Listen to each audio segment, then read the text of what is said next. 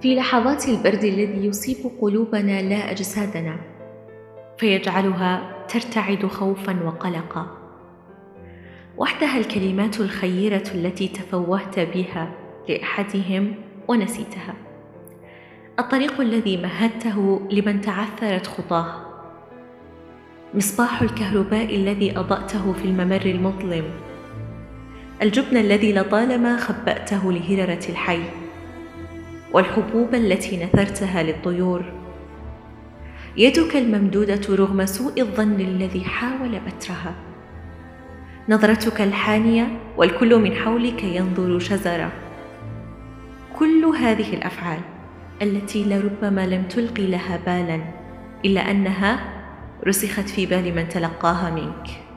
هي وحدها القادرة على أن تجد طريق العودة إليك. لتكون الشال الذي نسج من خير أفعالك ليبعث فيك الدفء والطمأنينة. تذكر أنه لا شيء يذهب هباء وكما تدين تدان لا في السوء فقط.